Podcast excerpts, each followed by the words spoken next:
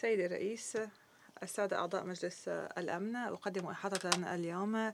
وذلك في ظل توترات متصاعدة في المنطقة تهدد بزعزعة استقرار البيئة الأمنية والسياسية المزعزعة أصلا. والأمين العام كان واضحا في النداء الذي وجهه إلى كافة القادة بممارسة أقصى درجات ضبط النفس. كما أكد أيضا على أن العالم لا يمكن له أن يتحمل تكلفة أي نزاع آخر. أن النزاع الإسرائيلي والفلسطيني ليس آه، عصيا على هذه التوترات وليس في منع عنها. ونحن نشعر بآثار هذا النزاع في مناطق أبعد من الأراضي الفلسطينية المحتلة ودولة إسرائيل. وقد أكدت الأمم المتحدة مرارا وتكرارا أننا لا يمكن لنا أن نحقق السلام المستدام في الشرق الأوسط دون اتخاذ إجراءات حازمة لتسوية النزاع الإسرائيلي الفلسطيني ولتحقيق حل دولتين على أساس القانون الدولي وقرارات مجلس الأمم المتحدة ذات الصلة والاتفاقات السابقة.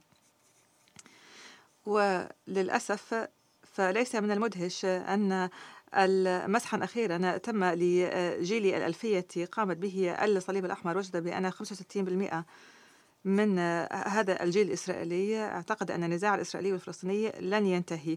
وهذا جعل من هذا الجيل الأقل تفاؤلا من الذين اشتملتهم هذا المسح ولكن الفلسطينيين كانوا آه، متشائمين ولكنهم كانوا أقل تشاؤما. إذا كانت نسبة آه، المستجيبين 56% اعتقدوا أن النزاع لن ينتهي وأن هذا العام فيه الكثير لمستقبل الصراع الفلسطيني الإسرائيلي وهو مستقبل يعد بالسلام والمصالحة والتعايش السلمي بدلا من استمرار الاحتلال والنزاع.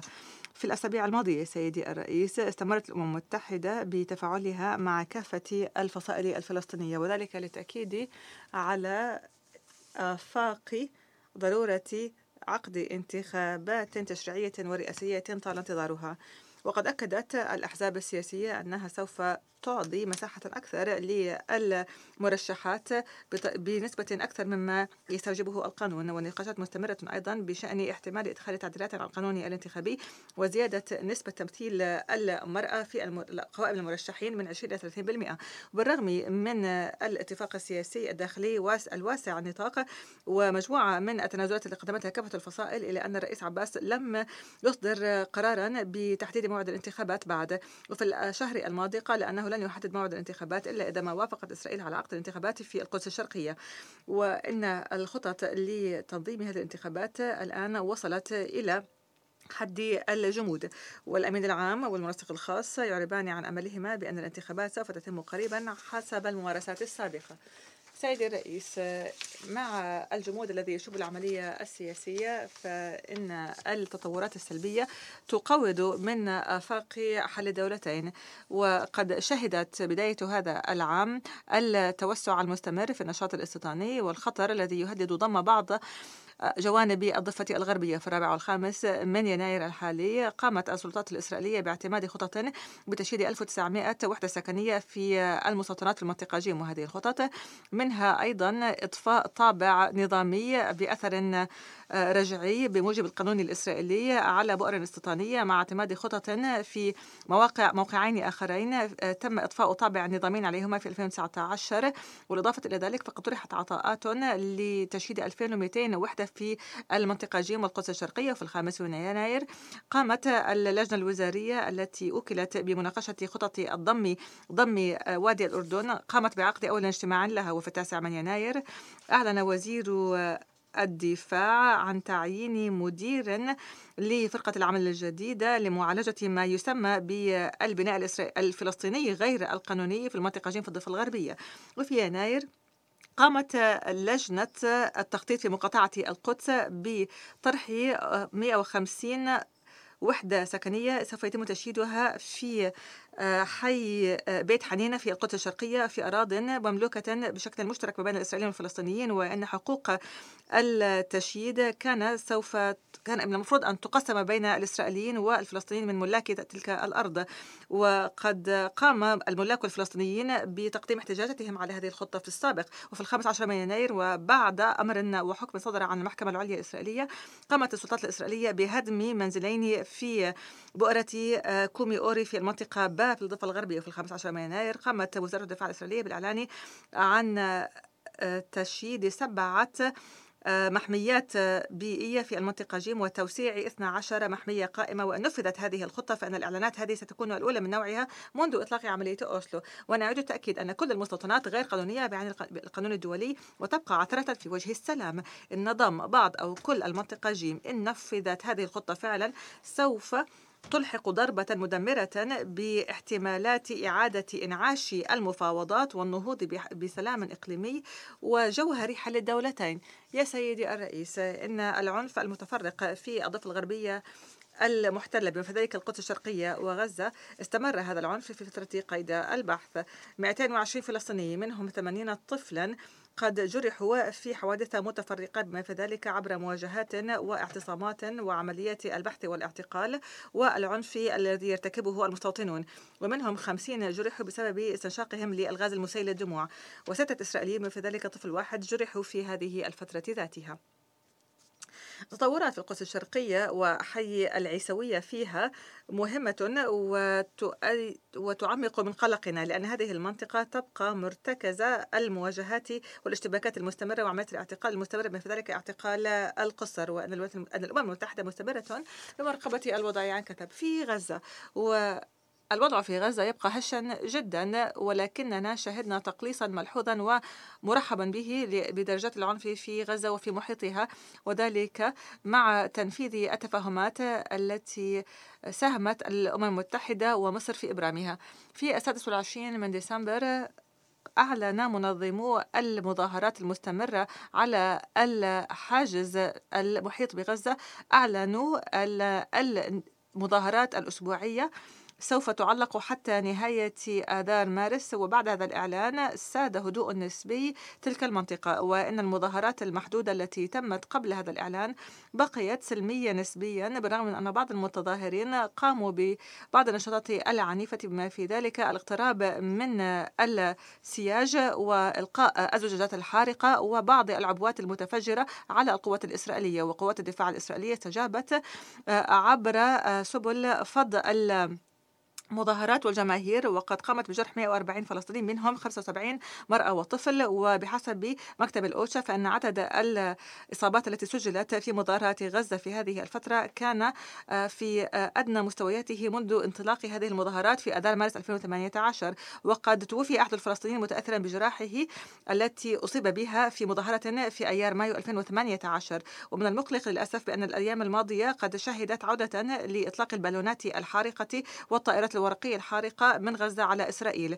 وفي هذه الفترة أطلق المسلحون الفلسطينيون حوالي 20 قذيفة من قطاع غزة على المجتمعات الإسرائيلية. وهذه زيادة عفوا وهذه هذا انخفاض ملحوظ مقارنة بالأشهر الماضية. وأن هذه الصواريخ لم تصل إلى آه، وجهتها بل سقطت في مناطق مفتوحة أو تم قطع طريقها ولم تتسبب بأي ضرر أو جراح. وردا على هذه الهجمات الصاروخية أجرت القوات الدفاع الإسرائيلية بعض الهجمات ضد ما سمته أهداف تابعة لحماس في غزة ولم يتم الإبلاغ عن إصابات.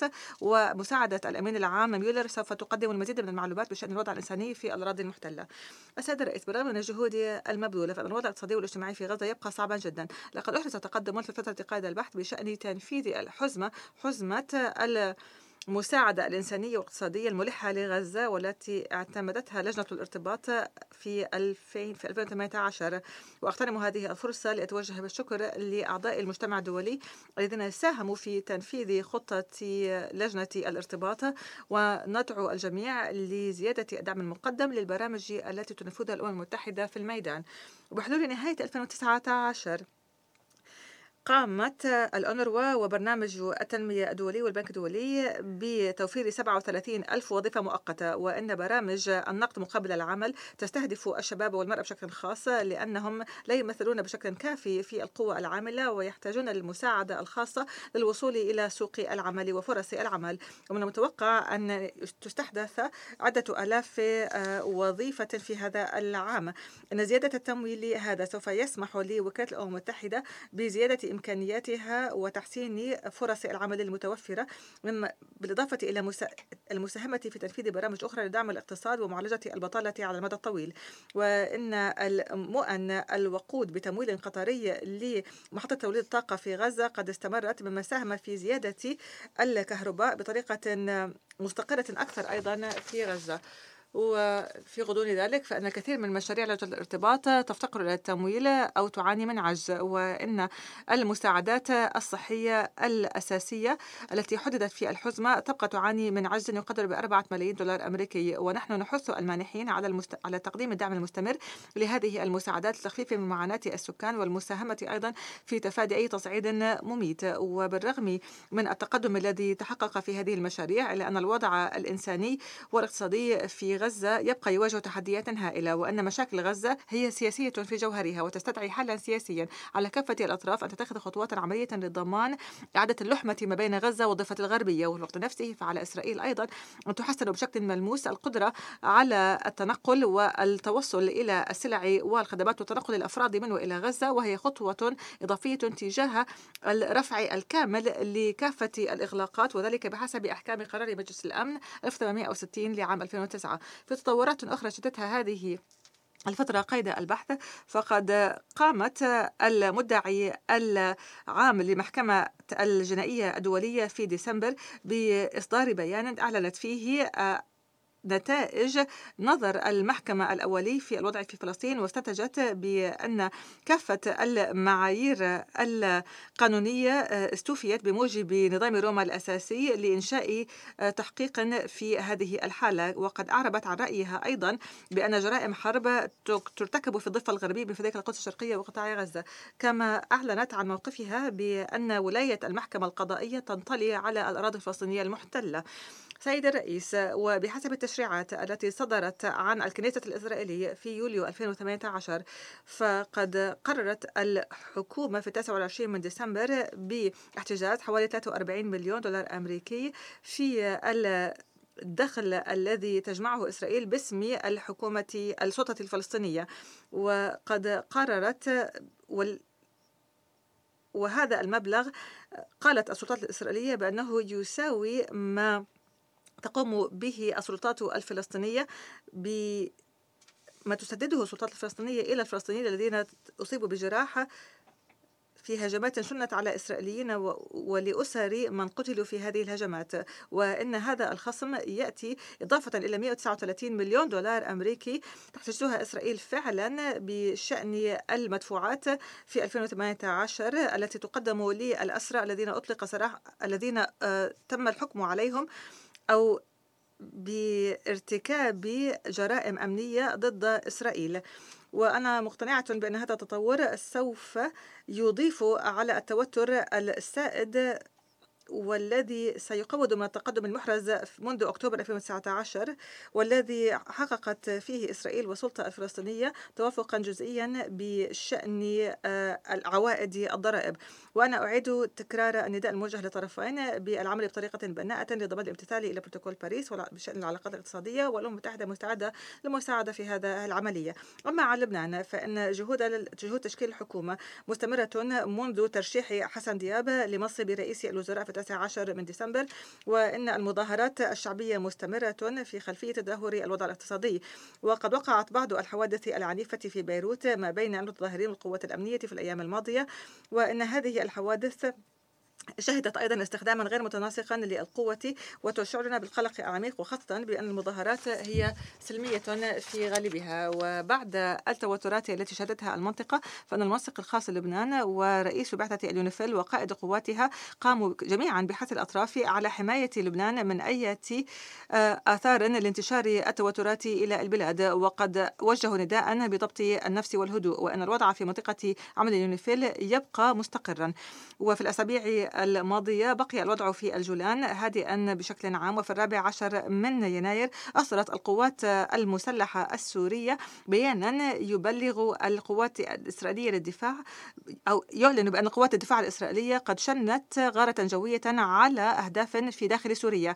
وقد وقد تفاعلت الأندف مع كافة الأطراف لمنع تصعيد التوترات وذكرتها بالتزامها باحترام خط 1974 لفض الاشتباك. ختاما أود التأكيد على أن تسوية النزاع الإسرائيلي والفلسطيني يبقى أمرا ملحا على أساس قرارات الأمم المتحدة ذات أصلة والقانون الدولي والاتفاقات الثنائية. وفي غياب أي تقدم محرز تجاه إبرام اتفاق لتسوية كافة قضايا الوضع النهائي فإن الأمم المتحدة سوف تركز كل جهودها في إقامة بيئة مواتية للعودة إلى مائدة المفاوضات. وإن الأحداث الإقليمية التي وقعت قد أكدت مجددا على ضرورة الحوار وأهمية الدبلوماسية في المنطقة ولا يمكن وعلينا هنا أن نذكر بالأمثلة الحية للحوار والتعايش السلمي على مستوى الجاليات والمجتمعات. وبالرغم من الجمود السياسي والتوترات فإن الفلسطينيين والإسرائيليين في الميدان يعملون معا في كل يوم لبناء مستقبل أكثر سلما وأمنا. والشباب يقومون باستحداث منابر جديدة لزيادة التفاهم الثقافي عبر الأديان وعبر الخطوط الوطنية. ونساء تطالبن بدور أعظم في صنع القرار في الحكومات. وكل هؤلاء الأفراد مصدر إلهام لنا جميعا. وأكد لكم أن الأمم المتحدة تبقى ملتزمة لدعم الإسرائيليين والفلسطينيين وهم يسعوا إلى قيام مستقبل مسالم وعادل. وشكرا. أشكر السيدة دي كارلو لهذه الإحاطة.